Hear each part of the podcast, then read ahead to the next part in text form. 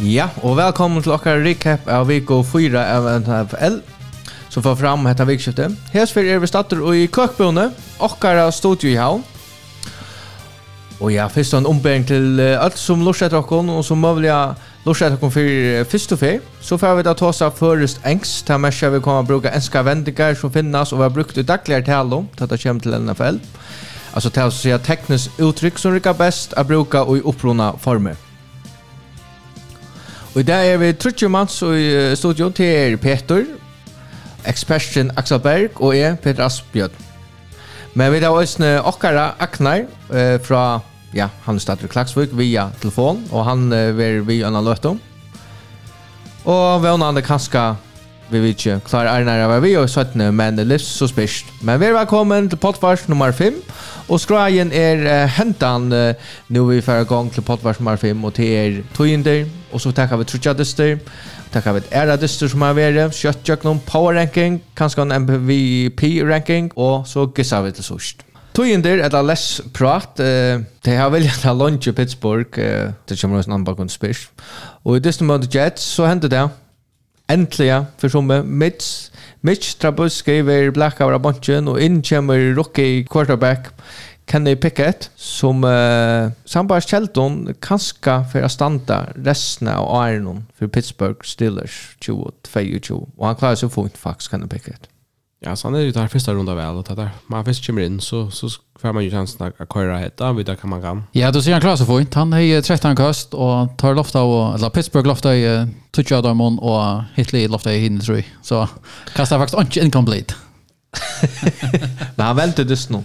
Alltså för Pittsburgh, han fick moment för Pittsburgh Steelers som tar ut det absolut i kören.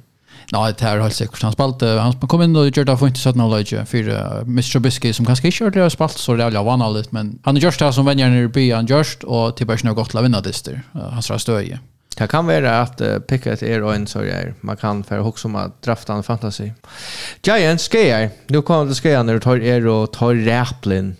Giants, uh, Daniel Jones Er mövlig ut emot uh, Green Bay vegna sprain ankle, men han er ikke fracture. Og så, ikke for at jeg er helt verre, så er backup quarterback Tyra Tyler ute. Han er concussion protocol. Og uh, David Webb, han er av practice squad, og for kanskje å få som mulig første start nærkere døy. Og så er det sånn at Giants nøytra for ut at uh, signa nødjan uh, backup quarterback. Men uh, Giants har vågner om at uh, han spiller med Green Bay ja, alltså det det vant är verkligen att därför att stretcha sig längt till att att han ska göra i i ankan kapacitet men därför nog är marskan nu så det han rann så nek i mot ehm eh Berger Vikskift någon annan vet har inte så så det verkligen är är marskan den Daniel Jones. Och så är det Galladay. Ja, han är skattorösna. En en wide receiver ska jag. Eh Det är han i fronten. Ja, vet han så det är det kvarstår att det har gått alltså nu Sterling Shepard slide crossband sist vecka. Nu är Holiday nog ute. Här i vikskift någon. Vi har Kadarius Tony och Wandale Robinson. Och att var unge, unga stödnar, eller till stödnar sig var. Som bara var Iva Sammer. Det ser inte gott ut. Alltså, nu är alla ute David Sills. Uh, No-name receiver, och Richie James och sånt spelare. Så till, men. Ja, men. Alltså, nu... nu det säger inte något. Här var jag med över Avichan Jar i, i Giants. Uh, så... Um, faciliteter och det var en free agent wide receiver som är free, alltså allt i världen hej ingst alltså utan I think som god skulle ge och nu så var det att Odell Beckham till han som han var vi i jar men tänk om han kom bara få sig kaffe Ja, han kommer han kommer han kommer vitcha Sterling Shepard och 20 någon i Lockshard. Att han var vad ska att han blev opererad över lika det var men han han häver inte lien. Han är free agent, han ju kommer ju av en crosspanskia. Han letar. Så jag kom hem att det skulle ske det här så jag har aldrig fått det för Janne Natter i NFL. Ja. Och han är ja. han är ju såna ganska såna större stoj. Han toppar i arbetet. Han toppar. Ja, och så vi får snacka om uh, Toa också Neck.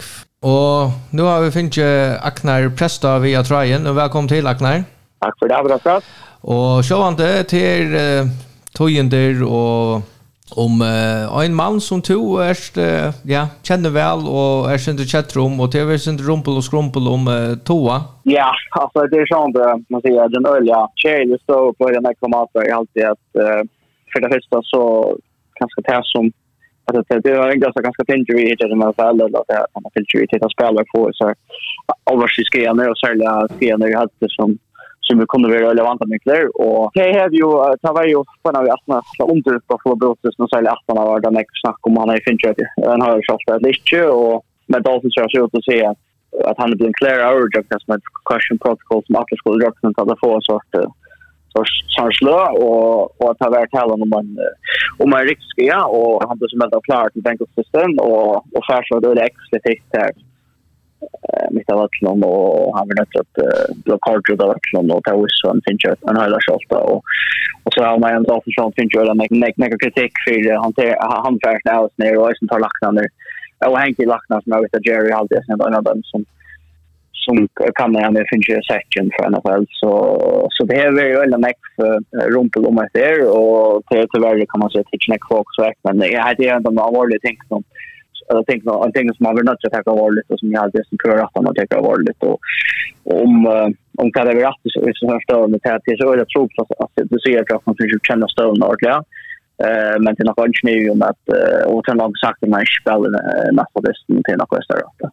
Men alltså tisch fisnar alltså Du har hørt at du skulle sjå om sosialist at hoa burde kanskje spalt distan litt og så var det at tar ekna laknar som klärar han faktiskt affär innatt och här ja en ta Belichick var ute och hejona mening kom till att han blev ösne ja fick han som slapp på risten för att ha spalt uh, vi någon som var skuld egentligen var concussion protocol eh mm. och nu är det två affärer nu concussion protocol men eh det syns det att uh, till vi rötter fram i att uh, Sjalt organisationer med Own Dolphin ska refsas för att ha överhuvud lärt det toa spalt. Det hade är en skriva vinkel att jag så tror att i eh bottengrund är ju NFL som hur arbetar nu att ut att det är inte väl linje som sitter vi snära. Jag har så sett mig att hukt efter sån playen så så du diskuterade det sista veckan. Hej faktiskt tror jag på okej att det var neva neka skarpt fär fram till ett ståla liksom på procedurerna men tar man så ser att då vi ändå man kan säga jag vet inte man kanske inte simpelt att det nio och han blir så illa för jag blir så harsrakt att då ta det är också mycket några rätt det bara hat det hade hat det är för tillviltarligt alltså han ska bli så komma så illa för det det som vi vet är att man får en hela skott av grund till man tar spelare ut att det är så farligt vid nästa han kör väl lättare och han räkar här ehm Och Og så så sånn play at mot Bills, så held jag snitt brød mening om at det alltså han det är ikke att han det ned ene för han är så uppe att det, så han stadigvæk ostabil av fødselen någon och länka till alltså og flere skritt fram. Och faktiskt och är är Concussion Protocol, eisne omfatta rikskier, som uh, kunde ge om man kan säga motor instabilitet. Så hata vär illa hade är det Jeg halte jeg også jeg ikke skal her på en.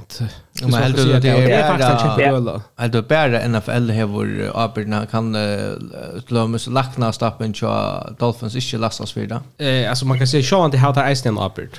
Jo, det har det ute. Det er så ikke jo to eisene. Du, har fer inn i medical health, og han fer inn i skiftekarrummet, og han vil klære av å komme ut og spille etter.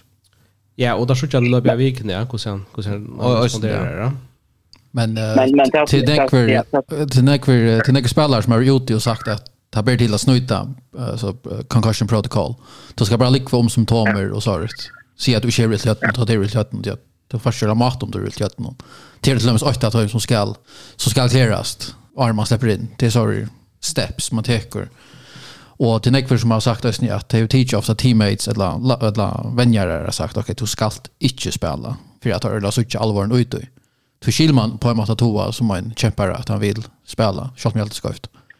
Ja, nej, men jag skiljer det. Alltså, kan man vojt och jag halt inte näkar. Hvis man, hvis det förstår mig nu runt om en av de ena fast museet och så vidare så var det så så vill passa då likva.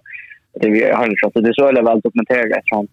Eh Gus extremt andra mycket och det är också sen jag säger att han har för nummer 2 eller 8 eller nummer 7 och innan för 8 tror och alltså jag jag skulle säga eh jag skulle säga lika för mig eller snär dokumentären om City och och hela skärren som kommer och här kommer av spela i NFL och filmen kan kanske och allt det där och jag har sett minuter för något längre tid sedan och jag har alltid att man ska ta det extremt allvarligt eh men det är nämligen som Axel säger så runt det som man just concussion på på en med att ta bara apert alla aperna väck till rassen till rassen och se om man ska lin här sina apert men man tänker outchen ändlig outchen om om en spelare är stans att spela att man finns en så slå som kommer vara slå att fra fällen så det är nämligen spelare på det så att efter hur så viktigt spela ner ja.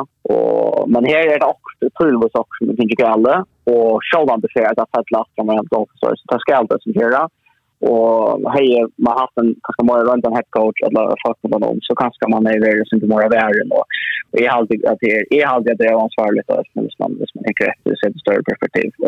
Och och, och man går hoppa på att ta lågt till täcker värant mina alltså till till kanske alla risker Ja, alltså och ja, det kan gott vara det inte vi vi rösing till till Dolphins, men man skulle minnas till att det här fast långa missar första pick för nästa år för där mm. tampering vi Tom Brady bäit han var Patriots och i Buccaneers. Och inte att och Iron är suspenderad över för för allt år men uh, för jag runt ja ja. Alltså jag hade en straff ska ges men så ser det bara. Men uh, för jag runt det här av uh, Aknar vi toa till det han funnit en QB backup han kommer in men kan det då säga för Dolphins för att runt det här av vi vet ju hur långt toa är ute Eh kan jag ta säga att det har ja att då är vi. Ja, alltså har långt nu så har det där alltså jag hade det kontrast kontrakt nu Arnvik shift i snack för han är spelare så tired om morgonen vecka till distance med mot New York Jets och man har ju tagit Bridgewater som du ser han är den allra bästa backup quarterbacks i NFL. Han är den mest bättre än kanske någon som spelar som är störst där så så på tamma att han alltid att och att man inte tror han är bekymrad om man tror att han det nästa det. Är trick jag vet att Charlton New York Jets har just haft två eller goals för det här lär mot Browns Steelers eh fast Eric så alltid att Miami har vinna att Jets vi tar Bridgewater som quarterback. Och som sagt så alltid det viktigaste är att att få ta kvar då vi han spelar att han är ordentligt klar och att att man tar först främst kan man säga som till hans hälsa och det att det hade att man kan vi vi kan se en kontroll av vändning och på nästa sen kan man väl spela ett typ shooter och och få en på sure. Jag hade han en bush och gå lägga och tänka kom in. Vi gör det foul reps kommer se och background shots med journey interceptions med den där kostar så så absolut en en spelar quarterback som som kan få sig karriären. Ja. Och vi får det innan tar vi för snack om några dyster. Och så får vi till Falcons eh, och till Fantasy till Iskott. Cordell Pettersson, running back, er kommet av injury reserve vegna knä troblagar, så han er minimum ute i fyra veckor. Det är inte gott hvis man hever han av fantasy. Det är inte gott för Falcons, så är blir öliga viktiga parter av offensiven. Ja, öliga kärlek för Falcons. Och till tecken som är svida, det är Saints. Så ta. Men sen är det Broncos. Och tar, tar få forskjelligt här och där. Eh, Javante Williams är ute i resten av åren om vi har en ekvistlandske och knänon. Uh, och här är Nekv färg. Vi ska bara säga att alltså, ska man, kan säga, man kan säga allt knä. Allt knä. Ja. Uh, så man kan vänta att Melvin Gordon för att få också några speltøy och till tycker uh, som fattar sig till kanske om att jag kör han in. Uh, men Broncos och Josh Quadley har signat en running back till er, uh, Latavius Murray och han är kommer att practice squad Saints. Han har faktiskt en finlandist där sen tappade mot Vikings London. Ösnen tja Broncos är Randy Gregory ute i mitten tvär till sex veckor till han ska skorvitchas. Vitcherast. Så hvis vi färra till Calls så är en också viktig herre för høyr uh, ute. Men till han vær møvlig av vi ser då till Jonathan Taylor. Shaquille Leonard han är faktiskt fem för Pro Bowl. Han är ute veckan av hela hvis Ösnen är viktig med för Calls. Ja, han är uh, faktiskt, hva som sier, han är Lume. Ja, Lume i att defense jag kallar så att det är ölja. Jag vill inte ju jag ju tärta har hållt till stämmen vi till en Oliver som Ja, alltså den bästa allspelaren bästa världsspelaren själva. Ja, faktiskt. Så var det Bills, Biders och Jameson Crowder, Per Mövlia. Han är inte, alltså injured reserve att han har brott föttlin och ska, han ska faktiskt kanna snarare så är det för att alla fantasy men ja och så fantasy spelar som också lä. Jahan Dotson rookie är ute i en till två veckor vägna en hamstring injury och han är har haft han har fått början och sån Ishley i NFL vi han har haft 12 receptions för 112 yards och fyra touchdowns och fyra diston. Det är så åt touchdown per dist och det här det här så jag till till gautage Så færer vi til Titans. Traylon Burks er en annan første runde rookie uh, receiver som er ble skattet vikskift nå. Og han finnes det som han uh, en gang kallar turf toe. Og det er en skaj som er åpenbart ringer å slappe av i. Og det varierer hvordan lunge og, og så spiller de ute med så skaja. Men tar vant ikke han skal under skor, og tog vant der, tog vant man Burks atter. Og er den kappingen enda. Så jeg vet ikke, det kan variere, og snakk falt. Vikings, Levesin, som er første runde pick, er ute resten av er noen vi har en compound fracture on er lower leg, og, men, men ta i tøyene kom jo så, og så at han var også en gåle. Jeg vet ikke hva han han er ute i resten av er. Han var jo gåle med ja. Patriots, som vi tar sammen sørste sending, så vant han ikke at uh, Mac Jones for å spille søndagen med Green Bay, og så var det også Brian Hoyer började dysten, men för ut vid Høyla og Rocky First round pick. Bailey Sappe kom in. Det kan uh, vantas att uh, han för att börja som första det som startar för Patriots. Ja, jag vant att han nu nog skulle uh, kanske Brian Hoyer är vad så Ja, han klarar sig fort fram efter ratta vi Brian Hoyer är så, så gammal alltså att Sapp jag kan som inte försöka att han kan han kan och Mac Jones vill man klarar han har en quarterback passer rating på 100 tjej alltså smart faktiskt väl. Ja, han har bara lyckats att sista drive här då vanta och kanske om man för att Flyr att han inte Brady. Nej, jag vet inte. Att, att om han klarar att köra att alla norman men han ja, stod inte distansen där sista där sista drivet av dem.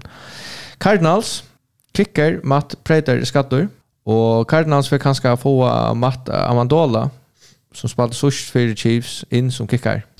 Ja, jag tänker oss inte en uppgradering att få han en han struttes ödligt han var nu han var en kadister uh, Chiefs för botkar. Så Cardinals är som spelar, eller inte spelar så väl, tar få ganska ännu värre. Nu, nu tar det helt själva kicking game. Men, och i ödlunds ner first round så har jag funnit några ralliga fakta in. Rekorder och sånt. Det är väl hänt något sånt här vikskifte.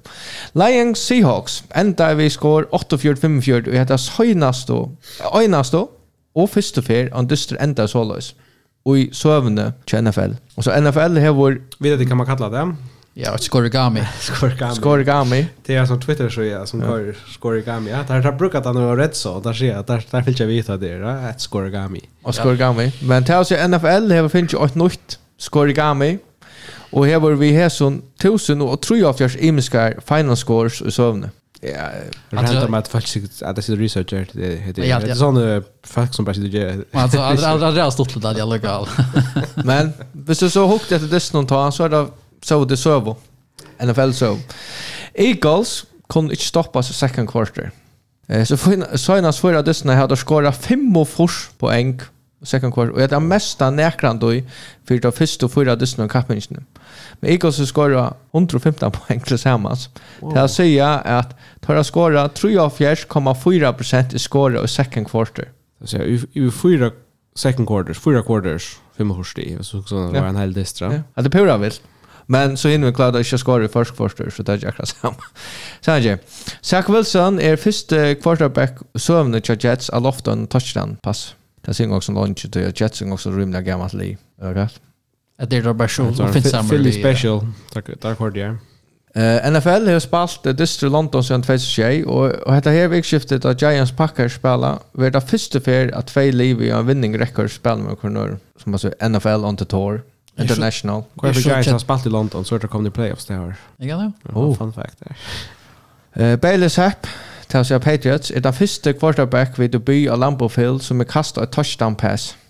Annars er uh, Sappe, den første rocky quarterbacken som er kastet et touchdown pass, heter Kappengarer. Og dette er, uh, heter nok stått litt. Ikke hvis man er Ravens-fan. Ravens er 108-5, så tar jeg, hun vunner 101-4 og tapt 5-4 at det kommer til dyster her framme framfor vi minimum 16 stigen. Det som er underlandet er at 2 av 2 og 5 er kommet til Sønnas Trutja Vikner. Sønnas stod har tapt nummer Bills, 3-20, kjølt de var framfor 20 3 og ta kom vi inn mer inn av 17. Trevor Lawrence er første quarterback så gjerne 1951 av Fompla, Balten, fyra fer i en dyste. Derfor er det som kom inn 17. Chris Boswell, sparska i långsta goal av Heinsfield eller ja, och så kommer det Akrussi stadion som Akrusjor Akrusjor stadion. Nu kör det yards och stadion öppnar ju 2002 och så nu kommer det stort lite Justin Herbert har en näst långsta streak för en quarterback on the road. Det vill säga han har kastat tjej dyster av träck över 300 yards. Senast var med i Houston 24 yards. Han som är långst är Rick Cannon som är rekordna för 8 dyster on the road från 2008 til 2002. Så han endte strike rekordene? Uh, Jaunene. Ja, altså, der spiller mot Browns og Udover til Jepen, så det kan være at han rekorden fyr. Ja, det Jauna. Og nästa utbandister att han har till i Atlanta. Ja. Så här går utligt för en en nu kör rekord där. Og det som ikke vet at, at kasta bara över 200 yards er faktisk øyelig godt. Og han är ja, Shadestro ute. Gino Smith Jag har sett så over vi har varit han mest nøyaktige quarterback da første og förra dystene. Vi har en completion rate av 25,3 Och till jag hade räknat at det var minst minimum 125 ferie du kastar bollen. Nei, Shale Fjers kommer tror Ja, Shale, hva sier jeg? Ja, Shale Fjers. Å, Shale Fjers, man. Det er ikke sier. Shale Fjers kommer tror jeg. Men han har jo faktisk bedre stats enn Russell Wilson, nok stått litt. Da man tar særlig der stats, så er det hver nøyre, så har han faktisk bare bedre enn Russell Wilson. Let Gino cook. Ja. Will Lodz var millimeter fra ved den første kickar i søvnet til å få mer enn 8 field goal i ved 3 yards og samme distan. Da han brente i åt øyne trus yards field goal og sørste sekunden om dysten middel Saints og Vikings. Og han var den første og jeg er som fikk av trus yards field goal. Uh, og hvis jeg ikke har sett røntene på øyne trus yards så burde hukte ut til at her var... Dobbelt doink. Ja, dobbelt doink. Uh, box, rushing all off var ikke eksterende til å komme inn. Box runder bare bulten 6-4 da da tappte man til Chiefs. Det er nest minste søvn i NFL. Mm ta minst var 2020, ta var det også en boks. Ta var Box Brady, som det ble kallet. Og ta rundt bare balten 5-4. Fake the run. Allen circles, sideline. Allen is in, touchdown, Buffalo! Ravens go for it on fourth and goal. Jackson fading. Jackson throws! Intercepted! The Bills have it. Jordan Poyer with the pick. Bills uh, versus Ravens og vi tar finnes Aknar Presta innator og ja, hva er det jeg sier om dysten her Axel hvis vi uh, lukka Birja? Ja, så i beskriften er kanskje li, tvei li som eier kursen halvleik av, av stisten noen. Eh, Ravens koma ølevel fra byrjan. Det er noen tars uh, få fyrsta drive til Bills, enda en interception som Joe Timon har stått han bana, derfor på skåret touchdown, skåret omater til nästa drive, og så fumbla Bills, det var god atter. Eh, så knappt så stod han tror Troy til Ravens, og Hallax stod han for helt ut i 20 Troy menje. Så Ravens sitter ordentlig av sin distan i, i fyrir Hallax, og man uh, hoksar sin trøysk, nå, nu nå Börjar där gänga ner backa jag alltså kör Bills så startar på stryk mot Dolphins så då så det så skott ut här mot Ravens. Men uh, tar få lucka en det passar. Där fick jag touchdown och ända hålla i vi. Här är så fair fair upp och ta blut hålla så att eh 20 touch till Bills så det är ganska här distreventer så där komma ut ur Earn Hollage skora beina vägen sin två första drives. Bom bom 20 20 ja. Och det är ju öppen. Han kommer så nyer til, det er jo kjent løten og her må jeg bare si at, at, at uh, vi må kritisere Bills i siste vike, for at ikke være neiver, og i enda han en diste, og for at ikke ha kan tapp skjeit distrere av hvert da, uh, her det var en one-score game. Her ser det Ravens, som ikke visste, som, uh, eller som, som, som krigselsøks, må man sier. Tar heva bølten, og vi goal to go, og fyrre minutter etter, og Och han jag någon dyste och tar där för Forten goal av två linjen så vill jag där affäret och hjälpa inte och Lamar uh, kastar faktiskt en interception i um, i endzone som faktiskt gör som så gör touchback och därför på 20 linjen. Ja. En uh, ja, du går trots sin marm till Edger när han då. Uh, att han för Bills uppskora och, och Renat Toyn ut skora field goal och komma att stä via någon gåen sikre uh, ur Baltimore. Det var ju sista play call ta ett där ja så här tvärs situationer som ja så i ända någon av det någon som vi hade Ravens kicksa.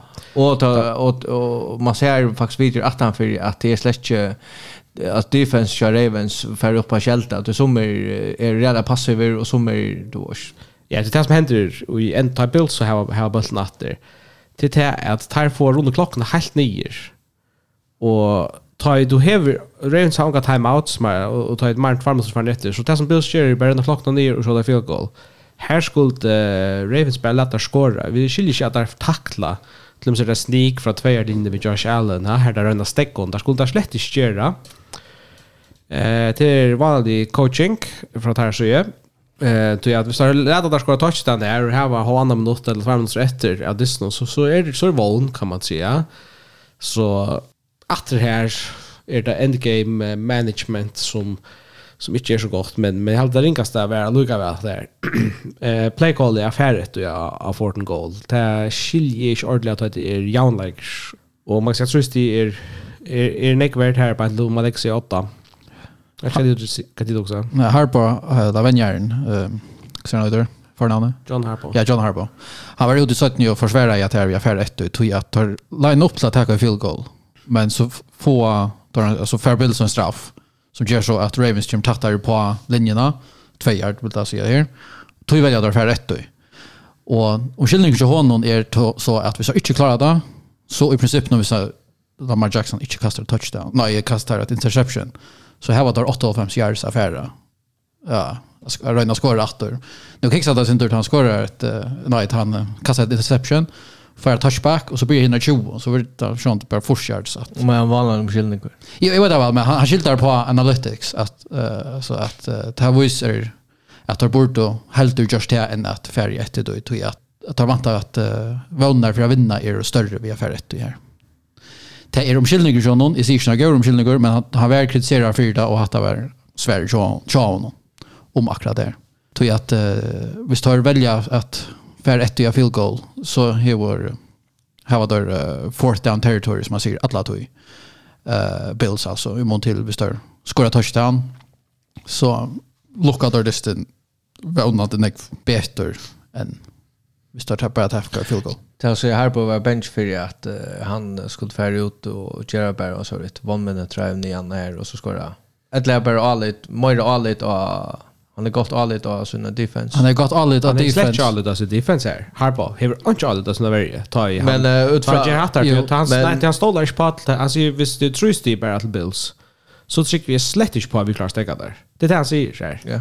Så jag, han säger att vi måste ha touchdown. Till Bills hopp ska ha touchdown. Alltså, så vi måste ens göra det. Jag stod inte på att vi klarar halta där till field goal. I röver. Ja. Det är han... Och till nog tog jag att... Uh, ja, Marlon Humphrey var så ytterligare någon att han då alltså här är några situationer alltså hade er en kämpe med av er each other. Och då du ser vi att när vi att tar isk på låta han skora och det här var tar stod över över som Petrasbjörn säger. Vi en annan här tog jag Som är faktiskt tar faktiskt mer än oj mål att bara lätta han för in. Ja ja, men det här säljer point framför vi han tacklar och tar den ekver som skällt att han som tacklar tog att tar vidare väl alltså att han hade skulle ha gjort. Det är bara en som dumma sig. Ja, det minns ganska Super Bowl ta Giants Patriots spelade för några år sedan. Ja, det kan stöva att ta där så lätta Amal Bradshaw in i och så får vi fingrar på snatter. Ja. Och kände vi att sätta fyra i NFL. Men mest känt härifrån. Akta, hur reagerar tog på ehm tar avgöra färdigt du gör? Det är alltid kan man säga att det har det alltid att där nu rätt Alltså, hvis man, hvis det är ett så blir det eh kan man säga röst eh, för att man är ganska mycket och man är, eh, man man får efter att vinna det 100 procent. Men visst det är eh så är det kan man säga. Så kommer allt spåren till nu och men det är ganska att man uttalar sig så är sen gärna att man att man inte har lite som är väldigt att det blir ganska alltså en kärlig signal att vänta. Eh och men den var ganska dålig kända för dem ganska det är just just så inne med att akkurat det lukar stöd det ju där Patriots för ett då jag fort and two was next när åtta tror linje ta Brady och han har Brady Manning och tror nog där Harry ta Patriots är framåt för och det är 12 halv 12 mot 1 klockan eller på ett åt där eh och Patriots är stäcka Manning och Colts och en tre eller fyra drives här och Belgium Stars som touch power and från från då så tar för ett och att next när åtta tror linje och runt där jag just men ta det akademiskt och så för Colts nu score och ta bara en extra spel eller där rätt vad det ska efter mot till så det är alltid något man kan sant att diskutera men det är alltid att att det kan vara hard på här också hur då jag måste säga så på så vägen där Ravens kommer att kollapsa så att man mot det mot det Dolphins och nej jag syns mot det några veckor jag och han är mot ända just en tror att vill stäcka Josh Allen och och Bills så som som alltså då kommer bli bättre från det som då så men olja kan kanske bekymrande för Baltimore Ravens att efter Allen att det ser ut som en chicka lush och och blir han väck. Ja, Eh, tar man säga och jag vill säga till att till en person alltså varje chans om hon hon hon har några manglar. Det det slutst i hur att liksom kan vinna en Super Bowl vi vi vi så är det Eh och så spelar Lamar Jackson en öjligare vanlig sidan av just det nu det det gör han har han har inte en gång dist faktiskt och men det är det det är ganska nära som vi snackar om minst fjärde så vi vi akkurat vi vi på Buffalo Bills att det här från X av Josh Allen fault i Orlando och jag Baltimore har det ut som att det ska hänga extremt mycket att Lamar Jackson spelar Orlando. Nu har checkat upp för running back skott det klara efter men Legend Cha Ravens kanske är inte hon är som du säger manklar och och här är så tyst ordet han Orlando övertar topp topp receiver som kan man säga att Orlando Sandra att att och och klara det här det så så det är väl den som han kan nummer 8. Kelsey, a little stroll in motion. And Mahomes throws it that way. And there's Kelsey to the end zone. And right away, Kansas City on the board. These guys from the two. Mahomes escaping on the move. Mahomes stops, spins, flips it forward for the touchdown to Edwards Hilaire. Ja, og så Ja, var det altså- Dustin Box Chief, Og ja, Agnar Katt eh jag tar si om den her? Ja, det är bara Ja, det är bara Mahomes alltså det är det på allra bästa alltså, det är alltid att eh, alltså vi som kan se som en Atlanta jag som sa att man slår ju upp som det kallades struts för jag hade han vakna som där man var färdig som det kallades men det var värst att då är att alltså att det är från dyster som tar pass med Holmes tracker att så ju att Chiefs all the car på andra matta så är det så extremt så läge efter alltså. Varje entreprenör ser gott ut helt i är men tar högt i bärs i Sverige för alla på och på så skulle stäcka eh så skulle stäcka Mahomes och det är alltid att det är enda gamla cementering av, av att det är Kansas City Chiefs och eh och Buffalo Bills som är favoriter nu i AFC just man hittar ut och länka, länka upp i Ottawa, Tampa Bay Buccaneers. Ja, de spelar väl för att ha ett allt som, som nu tar, tar vatten ner klar som Brady har nu och vi tyvärr inte har kan komma längt men som bara inte är orka allt i samma stund som Kansas City Chiefs är. Eh, till sånt sälja fyra halvleken som som är ju ändå det men jag har kört om det. Är ett det var jag själv åt det om det så att på samma sätt är det bara så kanske chiefs som eh som på skall extremt mycket till att täcka den här i NFL det varje som kan stäcka dem på att spela på andra vändan Alltså man kan säga box variant hur ju haft den går bättre på Capping Guard där har spalt emot mm. någon goal alla på där lucka i Dak Prescott och Dallas Cowboys nyers i det första veckan sista veckan spalt en goal mot Packers. Men de, det virker små at det ble ivermatcher av Chiefs her. Så vi synes at det er Chiefs, alle berotler, så kan man ikke stegge dem. Og, og, altså, og det er bokstavelig talt, stegge ikke Chiefs ui sin dysten. Altså, eh, Chiefs skårer fyra touchdowns, har jeg. Jeg blir lysten vi. Bam, bam, bam. Altså, og Hollagstøven er 28-16. Faktisk, her var det ikke for en fjorda quarter. Alltså där skorar öll sin possessions lugg in till sista fjärde quarter. Här har där så den nästa possession ändar en interception från Holmes och där sista är ett punt vi är mot efter men det har distin outjudge till Lucas Soma. Så det är det är helt vilt faktiskt att där att alla på chatten dominerar så väl. Vi har haft bekymringar vid där att han då att han mist en en av sin entire kill men Ja. Jag tror jag vet att Holmes bara för det vi är clean spelare nu. Ja, och det är som kanske var ordentligt sant det är att han kastar eh, till så eller neckar in ska spela i allt det där och torspång för second quarter har långt att kasta till tjej in ska spela eh, och det att han kan man säga häver inte inte så att alltså att spelaren är topp topp klass som man kastar till men att det här var att ju Sean det Travis Kelce är är lite tajt än det men Eh men det är det så image så det kanske syns det samma så som som Packers är ju när vi Rodgers så jag tycker bättre att att han har något att finna om det var men en de som kör långt men det är viska på att teach på som system och som eh Björn vi Chiefs har att or the read att att att viska på nämmer att finnas plane och pass på home server han så next image slow custom och slår så ena touchdown här han eh släpper record press och och utfallet mot Sölen ju ända vi bara man vippar bollen in sen jag håller att det är alltså han gör han så pyre och det shows Ja, så kan kan vara Chris Collinsworth säger det looks time pappa som spalt ut i havan button just här. Rodgers roll men hatta visste att just nu väl månen mellan han och till dömes Aaron Rodgers, nu nämner Packers. Alltså är Aaron Rodgers största surplay. Han är väl neck för försiktig vid bulten. Det bara kasta fram ett på mattan.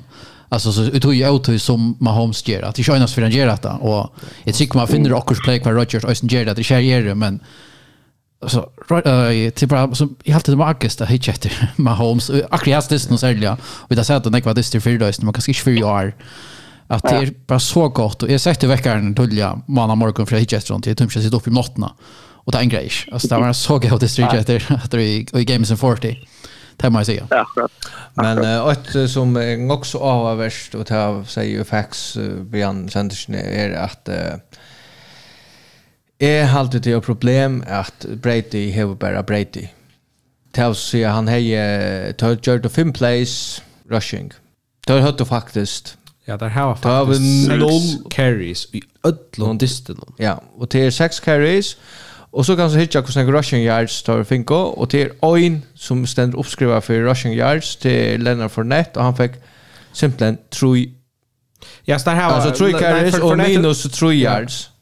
Och Rashid White har tre carries för 6 yards. Ja. Alltså sex carries för 3 yards i en hel lista. Och för för att alltså Brady är för inne så men han måste kunna ha allt alltså någon alltså någon alltså running backs alltså ta Jaron Olsen fri till att och stressar uh, defense defensiva hinlin och ger kanske tog att ha måar i ändan och det är du kan bruka det bara alltså det är sån taktik rut att du brukar running backs för att för att för att ha långt drive och för att stressa defense till ändan och att det är så jävla många foiler till tar tar över många vatten.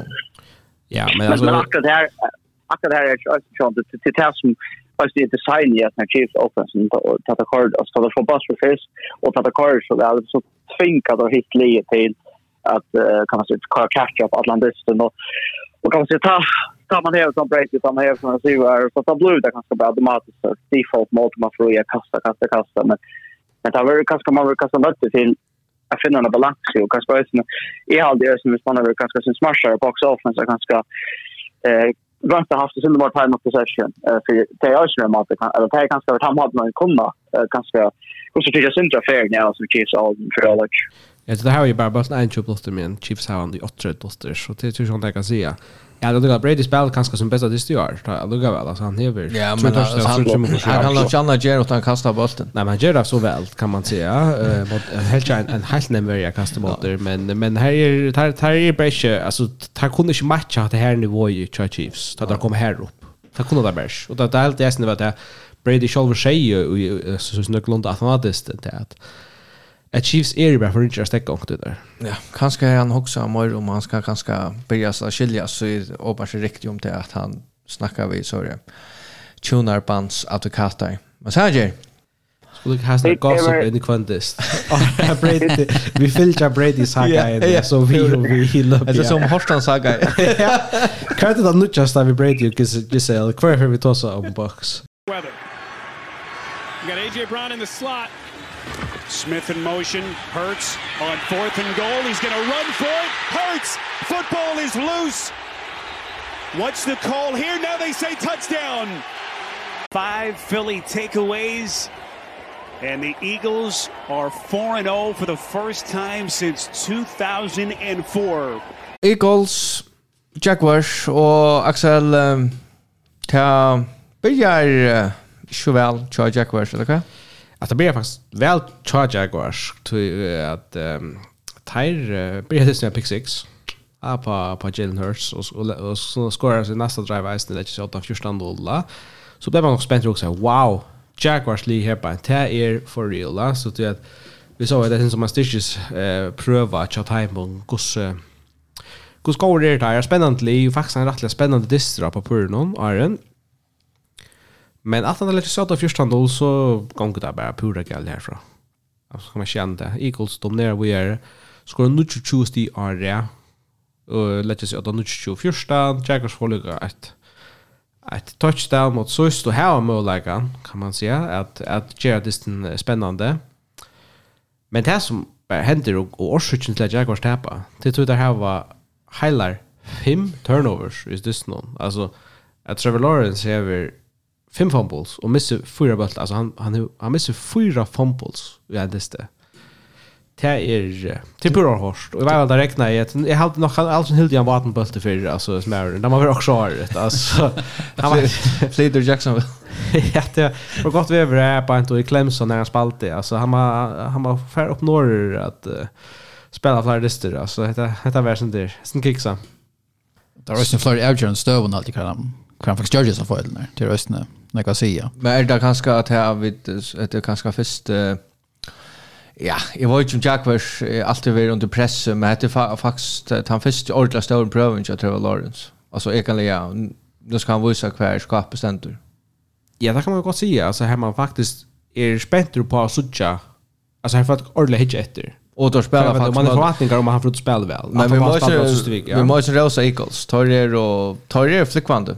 Ja. Kan man säga. Vi där snackar ja. om Eagles, men tar det faktiskt ja. rättla frekvent. Men det är nog så ringt att döma om Jaguars läst om man alltså hade hade sin som en sån fluk alluga väl. Alltså när förstår när du how the quarterback a fumblan, Alltså missa fyra fumbles i det teatra. Det är inte... det är liksom där löje att att liksom som en ordentlig konkreta mening om att Eagles bara var bättre. Det här är så man kan säga att är tillvilligt självt om man sånt det näga Så man kan man har show skilt nu ute men så är det stadigt en avvis tillvilt in ute ja. Men ja, alltså equals lie 4-0 till till slutet. Ehm Det är inte en som klart här. Nej, det är det enda lie som är undefeated i NFL. Ja.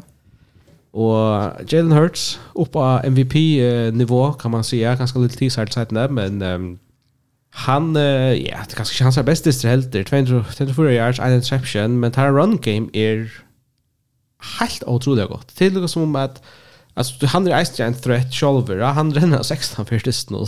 Jail nerd så det är ganska snäga veckor jag. Men uh, tar här var 220 rush yards och fyra rushing touchdowns i stund. Det är till ground game så vill näga så det är faktiskt också intressant li a hitcha efter. Och då är jag faktiskt om för en quarterback. Han är öll förspalt väl ja. Eller han ger ja. han ger inte så han ger inte några stora foiler. Han är också stabiler. Han är inte jag vet inte man gör så redan en stor alltså det som Mahomes gör det är stor plays men han är bara spännande man också stabilt i mån till Trevor Lawrence visst det någon Ja, så han han han kastar sådana pick six så jag ber det nu vi. Eh, det ska han inte det ska det ska man lugga minnas till men här härifrån så jo alltså han gör det som ska till och till det samma Josh han gör plays kvantist. Eh han är flickvande på på nekva matar. Helt sikkert. Det vil si at det som er sagt ganska sint för Eagles, det er så att där vinner mot en och li her kan se hatta er det gott Lee. Sean Vikings distryn tar der bänka der, av. Til nok mest av allt han det som også, ok, okay, her er styrst jo i linorna. Men alltså her var et latt sketch och där spelar så godt nok mot Cardinals neste vike, Cowboys, Steelers, Houston, Washington, Indianapolis, Green. Alltså han, det er det han, seriøst fra 2-0 inntil inte møter Green Bay. Eh, det vi tar till dömes. Ska inte avhuxande. Kolla det då.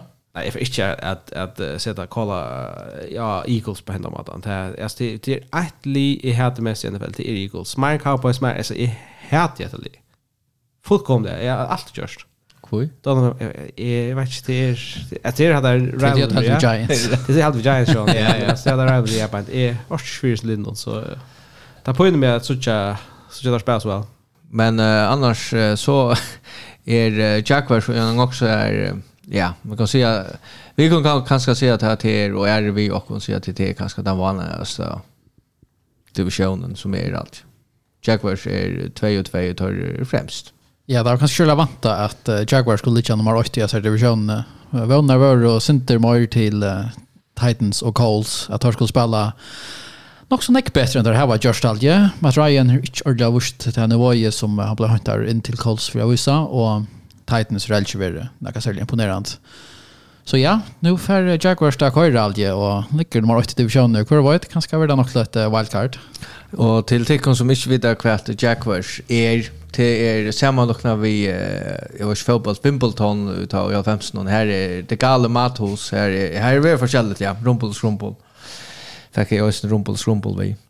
Visst det lite närgrande som ändå vi har draftat nummer 1 overall 2 år det är Ja. Så till ser det där det det var hans Lenefeld 2000 Det var ju ganska bra till att till maten att blogga över på att jag har träffat två år check. Ja, och så färdar vi till uh, nästa segment. Och så färdar vi till Ära Dyster som har varit och vi får stått Tack onkra, helt fåar avvärdar och hvis vi börjar kanske vi tar Axel så täcker onkran avvärdan som vi inte för djupna men uh, nämna. Ja, alltså helt att uh, det ser nu något var något intressant där mellan um, 49ers och Rams. Uh, där är som så gamla 49ers leater. Alltså Jimmy G. Det var Jimmy G. Uh, alltså här här det minns ju om Tali som vi såg mot ändan för här där här var en öliga konkreta mataspel på. Han kör öliga ner till Debo, tar renna bulten väl, George Kittle var nek involverad vid det, och det har liksom inte mangla funnits en stil här vid, vid Trey Lance, ta, ta han över eh, quarterback, så hade akkurat hatt minstre av, alltså som man har en så desidera en tryggan stil att köra via, alltså här du har en playmaker och offense, och en quarterback som kan få en till där, ett gott run game och en gå över det. Det är er farligt li att möta. Vi tar kom playoff så så det här lik kan ett landa. Det så jag vet inte jag på. Himmer Jimmy G uh, stämplen. Alltså ska man säga alltså han kan stämpla kött ut att stager. Han alltså han är bara i lunch så ut i äta och om man inte vill skatter av en Rams har tar jag har tar Timpmannen. Alltså heter Lee är rävliga svingande. Jag tror inte det vart är vart i sniffjöra. Eh, det som är ganska mest av utländare syns det att få i hörs värst Matt Stafford. Alltså han eh, han pressar 40 för av hans dropback. 40 procent av hans dropbacks. Alltså 22 för ut av sex holds uh, dropbacks till till Nick för då och han spelar inte sälja gående på några måta faktiskt. Och där skorar alltså han blir säker Schaefer. Där skorar bara Nutchti. Ja. Så spännande om Rams kommer upp på ja, vi måste säga ska se. Guide natter Rams vettaren. Uh, Peter? Ja, en distor som jag har pratat om till Twin Saints i London mot Vikings. De har tappt och som vi satt på ett double doink. Och krisa. Jag det bara brukar double doink så så folk bara vänta. Alltså det skiljer kan det menar vi. Ja men alltså hvis man följer med i NFL så var man det. Svårt det är ett koncept att en double doinkar. Nu nu är det det blev ett koncept att han har en dist för när kat har varit att ha beers. Bears Bears equals playoffs dist. Utan Achan eller Nuchan. Det är väl det. Det var Trubisky då han toppade. Det var Det var om man kommer vidare i playoffs och han räcker ja som i dysten ner alltid. Räcker sojorna, alltså stånchen sojorna och så nyra i bläckaren och ut. Ja, jag vill sagt att det var tattar att att för in ja. en hit double doink. Ja, ja, hin hoppar ju öligt ut efter efter. Också alltså det alltså går så lite ska till för att det alltså då är alltså är det också stanchna under ju lächar. Som är så är det ju och fräta på sina stanchna för in. Jag menar så seriöst tatt vi att han för in. Jag för men eh jag sa inte. Kan det då se om vad kan sägas? Jag orkar snacka om det. Jag blir där i det Det skiljer ju över det avliga väl.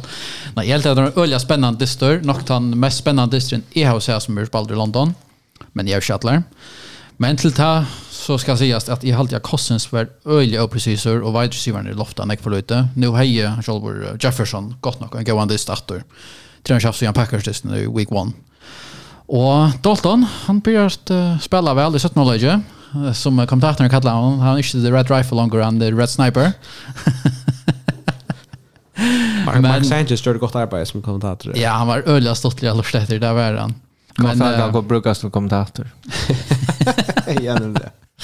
Men sen Stephens, tar spalt och väl något istället. Tar man Joe Damon, men special teams trappar det inte alltid. Ja, hvis du, hvis du manglar ett gott uh, defense, så ska du tacka seg så tar du og börjar steppa upp ja, alvorlig alt, ja, og det er faktisk dømerne som er skilt nå i at uh, det er kanskje ikke tappende distin, men at Vikings vinner på den maten der gjøre det, ved at det var forskjellige godstjørende fake-hold som slags burde være vi kom ut. Och ett hands to the face som sagt og och uh, som gör dem nytt set of down som förde ner till ett touchdown och så ösna pass interference i samma drive. Jag fick jag hade fick på åtta linjen det lagade där. Jag aldrig fick minus 38 yards och i penalties och en drive till ja, ja, till till neck. Att det var när så domar presentation i oss ja. En eh jag och ta hade det ösnen av vanliga domar presentation i Packers testen alltså. Jag hade vi för bara vi är. Jag hade jag vet det 8 8 tror jag. Axel, det då en annan det som du vill ta kött framom. Ja, nu kommer jag så några som Dolphins tack när Sherman vänta. Jag vet han tar tappte så mot Bengals, men som vi där oss om då att ta väl av för ut vi en någon hela skölta. Teddy Bridgewater kom in, gjorde okej, men men alltså Bengals køyra het skjolt om jeg kan si at Bengals så ut att ha gott godt fædre av disse lukka vel. Det er nok vunnet lukka vel kanskje, jeg sier, men Bengals kanskje kommer der in inn Eh hoppas det är spännande att se. Eh dømmer ikke for nek av Dolphins ut fra snappen noen til til halde jeg sin drøst vist at han har til han skal gjerne på en. Men eh, god dyster til uh, Joe Burrow og man kan si at her ehm spelar eh där går spelar dem da, så Jamar Chase, T Higgins og Joe Mixon tar stämplar alla in. Kanske är det det som vi tar då. Boy efter från Bengals jag synter till det är helt att att det är verkligt att att se att här teacher ett skrift åter och här man kan säga mer så där halta stöj eller ta sti vad gör jag för att du tar pikt så väl upp för Ja och Peter jag tog jag kan det som attrahet som du hade varit ha värder ehm Ja, kanske ja. Vi vant vi nämnde att det är Skorigami i, i början och i halte Seahawks vann och nu 24 45 mot Lions och nu må Lions alltså börja steppa upp på defense. Det är ju Flickvald. Ja, alltså, det är så jävla så. Ja, ja, och det är det och tar bara tar nummer 8 i scoring offense och tar nummer eller tar åttast alltså. Alltså chock i scoring defense. Alltså tar all upp ju skorar 35 steg per dist. Umia. Och där 1 och 3. Ja, där 8 och 3 och tar skorar 35 poäng uh, offense, men värjan har lärt 35,3 steg in per dist. Till neck för neck. Alltså Men jag hade det så lätt. Ja, det är stortligt och det är alltså spicy. Du, du är vant, du är ganska vant att hända det snart och inte för att lycka vad för du har några skejer. Ja, två av de bästa spelarna i Allopen är och skatter. så man är släcker vant det. Men uh, alla på visar att det kunde och Jared Goff, han börjar spela bättre än Matt Stafford hade nu uh, i syrsne. Så hvis står för större på defense så är det Lions Lee, et uh, Lee som man ska etter i NFC North. Och hur ska det ska tro till? Ikke. För då som en quarterback som utspelar en annan. Cooper Rush. Wow, helt helt han utspelar det allt. Det han vinner i detta trädet. Det har gått vi kände ehm Washington Commanders inte inte just actually på några måta men han har vunnit alla tre distnar sen tack kvar ut och ja 4 och 0 i sin karriär. Han den distnar vinner så 25 touch mot Commanders. Ja. Ja, alltså han han han gör det gott. Cowboys är en och tar tar halda sig lukka som flotande ja och så kan ja Dak kommer ju åter till grejer till lite. Kan det så en nast och det snurrar Cowboys. Ich för det att han inte mött prankande motstånd. Alltså short där. Nej, det är snack om det är eh vi snackar ganska om om Jack Welsh och Johan ja alltså när den pröven kom ganska och han levde ikke ordentlig opp til røntna, og nå når... Der spiller så mot Rams, ja, i, um, i neste vik kan det der. Det var pressande. Så man er der kanskje håper på at der får a loose in the bank her på et. Men defense... Får faktisk ikke ta som Cooper Rush. Defense tja Cowboys er klara. Off, eller offensive line tja Rams. Ja, så det här var tror jag... Uh, det styrkade dem här är ju... Um, utgjør mot Rams og ut mot Eagles. Tar viktig dist. Ja, og så er det noen er dist vi skulle takke fram om om hva er det eller skal vi ikke Kjeve to øyne som du prater om eller? Nei, jeg har faktisk sånn kan Kunne takke, altså Packers tar vinna akkurat 22-24 mot Patriots mot Bailey Sappi Ja kan kus för man att han som röst är man mer eller alltså som man tar sig om från tullade söndagen till att han hade resten var så så mer eller minne säker på Packers Lee each other. Ah, det var inte alltså Roger spalte inte väl den resten. Spalte öla vann allt i förra laget och han kastade faktiskt han kastade pick six på en av nästan och till bara fjärde pick six i karriären John till till till gott start det här va tal. Ja, men så han lagde steppa en upp och kasta in eller spalt i ölla väl och kasta några flotta bollar i så Luitel Winter som man kallar det. Uh, ja, det är några uh, avgörande stöver som uh, som avgör dysten här uh, som har gjort att han blues och tattar som bluver alltså att Packers receiver tvärfrisch lofta i en sån eller ena loftar han och gör en slash och bollen läser ner handen och Ja, ja, tar hookt det review. Han helt han han är just ett uh, touchdown men så då var det så oj toja. Fax kunde han bara säkra bollen bättre. Ja, jag drack det alltså till till så var det som Edge Distin och och isne till att domaren inte ta ett uh, Java Patriots the left game alltså det tar så då som så vi går att uh, Buccaneers finger till left game och ta och vi gasar en rätta i uh, Packers. His för för det två sekunder i var. Han lyckades dömt det inte. Och då skulle jag touchdown på att jag playade. Uh, så hvis de har bara dömt det så är det väl first and 20 och 20 yard linjerna och så hej det är very nervous så det kan vara att det skorar en annan play efter det vet man inte men men i allt i allt i allt så är uh, all uppe uh, vi har kommit igång en Rodgers måste spela bättre och receivern blir vissa att ta kunna och defense tar spela väl allt. vi är onökt och i halt i ösni att uh, Pack nej uh, Patriots fick runda sin farväl av Packers. Uh, Men uh, tar spalte vi två mot safeties Atlantisten. Tar tog onka det safety ut och körde en annan linebacker, tror linebacker, spalte tre mot linebackers som gör det att det kunde ha varit bättre för Och här till månaden tar jag ett li som Lee Leija Peter vunne och Lee Leija mer tappte ja. Han tog ordla vad snack om grejer. Ja, ja. Nu var ska jag bättre att som domare nu då. Ja, fast han var där där gick emot Packers. Men jag har en dus som jag kan nämna. Och och en sättning. Det är också stått lite att jag hockade nu. Raiders vann med Broncos. Och nu är om och vi har varit lite vi snackar av Aaron om Derek Carr om han kommer igång då och Raiders lige så öle avhavs ut. Men tar tar vunnit sin första dist vi Josh Jacobs så han var i hoppla. Helt han fick hon om är omlag halt andra rushing yards och två touchdowns så ja. Spännande vet om Raiders kan lyckas som få eh maskiner och ju gångt. Jag ser den desperation syr jag att när nödsta vi någon testen. Eh Broncos så så eh bästa styrkare Russell Wilson i år så ser det till att han ja positiva takter för honom här på en så faktiskt så är det inte alltså jag föll bättre mer optimism med Broncos linjen att han har hittat det faktiskt.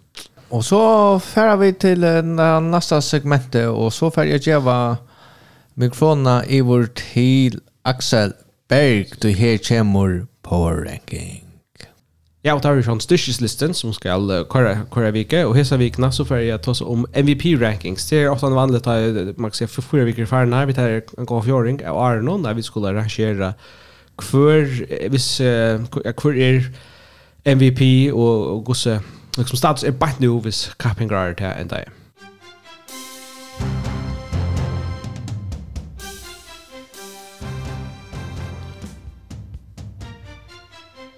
Och vi börjar sjönde vid nummer 5. Ehm Mauren som ett loss om hesa vikna till Tua Tagovailoa kanske av Rinkon Orsögon han försvann ut vid en en hela skölta. Eh hever aldrig haft en öliga gåa början. 1000 yards, 8 touchdowns, 3 interception, eh spelar i vid nivå. Nummer 4, ganska sin kan för somme, Josh Allen. Eh mest passing yards i NFL, men eh, hever ja, jag har han jag vet att han fyra tar spelaren som kommer här näst av listan. Nummer 3 er nødt til å ha vi Mariner etter Saquon Barkley sjølvande skulle han være vi Giants er 3 og 1, og det er i stor årsøk takk for fyrir sin mannen. Beste running back i NFL, halde ikke nægge kan iververe ombeit nå. 570 scrimmage yards hever han, som er vel det meste i, i NFL. uh, han kører het, og vi fortsetter vi renne bøtten med Jonon. Nummer 2, Jalen Hurts, Eagles er 4-0, sjående skal han være vi i her beint, men han ser stats kunne ikke komme samarbeide seg vid nummer 1. Beste quarterback i NFL, utan Iva, Patrick Mahomes, spiller, gjør akkurat det som han skal, 1100 passing yards, 11 touchdowns, 3 interceptions, sjående er han nummer 1 av MVP-ranking.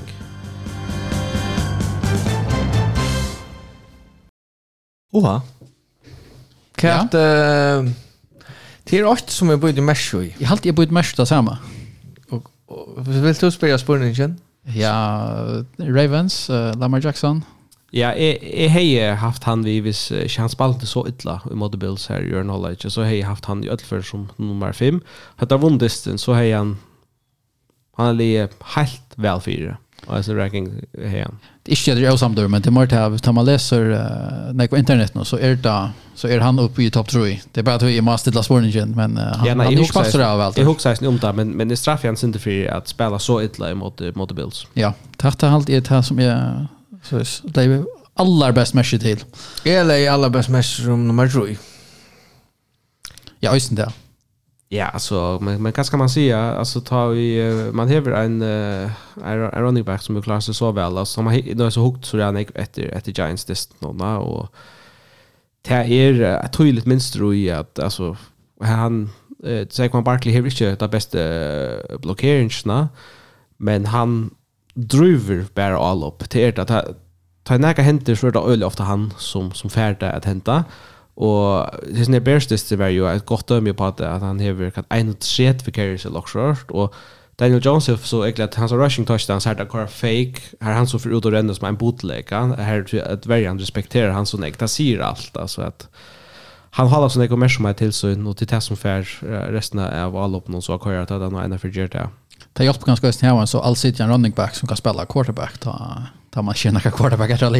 Han kom nog her og spalte. Han spalte quarterback i high school eller så. Ja, det var också hårt. Gita var high school. Men uh, hatt det var så power rankings og vi kunne lette det ut till diskussioner till Örjan och Ösne at uh, till konfärden NFL følger om tider. Og samtidig vi Axel, ett la samtidigt. Rys och Rös, alltid velkommen. Og så kommer vi til segmentet Gissa. Og det er så för vi att täcka til neste Disney som er å uh, skranne og i uh, vik og fem. Og ja, vi begynner vi første Disney Colts Broncos. Jeg må ikke si at det er litt nummer ett, 1 jag lika i Pix lika er litt nok så vel för det. Ja, jeg er litt ikke vel för. Jag blev jag missar men 100 hundradist. Alltså jag har alltid jag misstänkt förra veckan. Jeg har ikke hukt nå, jeg vet jag klarar mig syntar lite klarar mig rätt alltså visst är ju för jag sånda det så jag klarar mig rättliga väl ju hesa veckan. Men det det dräper allt kommer. Men jag var inte lite framför Aknar han glömde att sätta pix kvar för.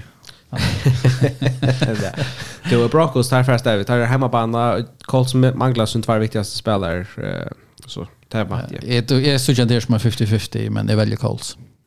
Ja, jag får se att här att Russell Wilson stämplar in och visar att han Jag hoppas att du har sett gamla Russell. Giants, Packers.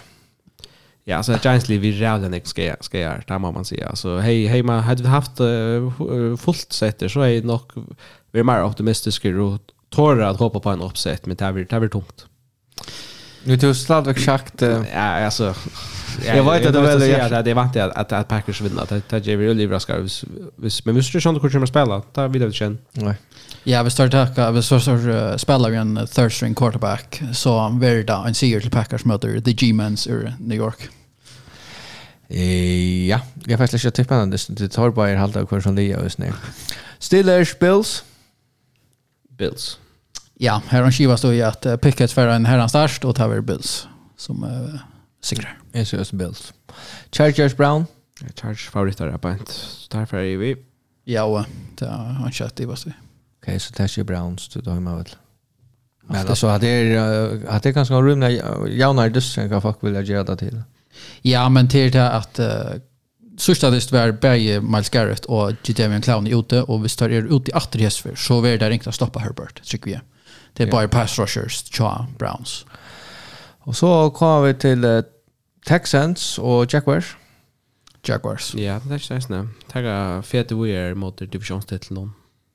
Ja, vi tackar ja, Jaguars også. Bears Vikings. Jag vant Vikings vinner på och och hemmabana. Jag tycker vi ska bli så att det.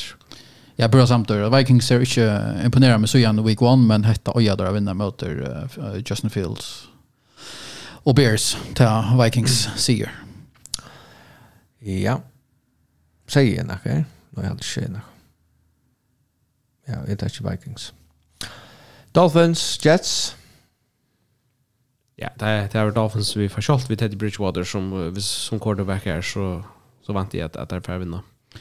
Jag har haft det sista Arne och soft spot för Jets så jag får säga Jets ett som två spel. Det är spel Jets. Nej, jag vet. Jets. Falcons, Buccaneers. Box. Buccaneers, ja. Ja, Trick vi er för chat. Jeg tar ikke oss nå, Buccaneers. Jeg har faktisk mer Falcons enn Buccaneers. Så her, Titans, uh, Commanders. Kvartsen har de haft en god börja, men det var inte Titans vinner. Ja, Commanders har spalt simpelthen for vann alltid, sikker på at de klarer det. Det var veldig slett quarterback. Så Titans. Jeg tar ikke Titans. Titans. Tannehill. Ja. 49ers og Panthers. For Niners. Ja, 49ers. 49ers. Eagles Cardinals. Faktisk en spennende stavl det sier. Uh, Cardinals har ikke imponeret meg i år, men uh, der spiller hjemmebane her på en, og jeg, ja, jeg, jeg sikker vel på at de kunne ta en, og enda uh, undefeated season til Eagles. Men det blir tatt. Ja, her tar ikke Eagles. Jeg tror ikke vi tar klare Cardinals tar hava vurst för Luigi och Munar ver och där är för där kommer sig själva på gear i början så att det är second quarter så Eagles rädda dem. Uh, Ja. Eh ska stärka Cardinals till vente jag dem Orlando. Cowboys og Rams. Ja, så Rams där vant jag bounce back this for time. Det tycker faktiskt där bänka Cowboys. Alltså ordentligt. Och då skramla samman till Cooper Rush bara ja, jeg tar ikke en Rams sier, men uh, akkurat Gustav er og Kvøy Kvoss, det var ikke noe utkjørlig. Men Rams. Jeg tror Rams fyra fyra og tvärför nevnta kiksa, men det er ikke Rams. Bengals og Ravens. Hetta den bästa distern i så vikna, så spyrst med. Alltså en divisionsdister, två li som, ja, ett förutan i sin division, absolut. Eh, två den bästa linjen i EFC, och som spelar Sunday Night Football. Eh, jeg trykker på Ravens at du avsøkt der her var hjemmebanen. Um, men uh, hvis man har mulighet for å sitte opp hit, så heter det verst, verst her. Heter den godest. Bengals. så, ok. Nei, alt. Jeg trykker på Lamar Jackson. Jeg halte han er, det er også, ja, det fantasi. Og så er det Raiders og Chief. Chiefs kväll vi en sinter stortliga sjöve kan man se mittsøna så er Raiders har argångt under och vi er sinter arga 800 dysten kan man se Chiefs så ehm men Chiefs är bara bättre. Nog det bästa i alla fall. Tar vinna och hemmabana. Tura samt. Där var Mahomes, Magic och Chiefs. Jag får kolla att Raiders för jag var det var inte Adams. Ja, och Josh Jacobs tar jag faktiskt av funtlig. Alltså ja, rätt. Alltså då jag vara bättre än att det har vurst. Neck bättre. Ja, ja, det har jag då. Och jag tror jag tar här var någon så ja. Ja, som Axel Wenjen så stort så så rock vi kanske att ta färra on the road och så vända vi skotna. Tar jag vunnit en dust nu och tar för syndra shots all lite. Och så muffar där bara chips ner. Det var jag säger att bara jag akna när jag är när jag ger det ska han lust att och skriva så sånt ur nästa sändning. Hade var allt för Jakob Hesfer och tog glömt för det. Åh. Lions och Patriots. Oh ja. Ja, alltså det tycker spelet så happy på den listan då. Eh Lions skorar att han garanterar för plus 30 så det var inte Patriots klart så vi. Nej, det där jag vant att alltså mother Red Hot Lions all upp någon där, ja. Mötte pa mötte Packers visst att det var run game där klaras ju inte så väl i passing game vi uh, Sappi som quarterback och här tycker vi det som Axel säger att det klarar sig Javi Lions. Så att det var Shield Lions. Bort man att Jared Goff fancy. Det lägger vi. Ja, ja, vi har Burst så där. Det får inte. Men så så stisten till Twitter Seahawks mot Saints. Och jag kallar. Jag kallar först. Jag säger Saints, men uh, till när vi att det kanske några som kom åter. Till det är aldrig annan på om om vi säger som manglar faktiskt en en rick för att gå om fast ju. Eh Låt oss säga att hälften kommer åter. Vi har en 12 mans som är Eva Sammer och Skatter och Och jag tar 12 är kanske en 5-6 som är faktiskt rättliga tydningar mycket. Så. Ja, Andy, quarterback. Ja, ändå vi nog. Red Sniper. ja, han finns ju nog ett nu. Vet vad? Eh, men jag sensing också tar här var några sånt spel på, men eh, inte Seahawks eh, ser ut som att har börjat finna rätta stäv. Vi eh, vi har en quarterback som fair faktiskt bättre och bättre stats för kvant distans spelar. Ja, men det tar fingas en run-game Rick is för uh, Seahawks. Och det här tycker vi att Saints klarar bättre av varje och fyra. Och visst det Dalton spelar lika väl som de gjorde i 17 hållet i London. Så var det en seger till Saints. Det är just det Jag kallar efter första det ställde. Men Patriots och Lions är Corey Lions annars. Och Saints.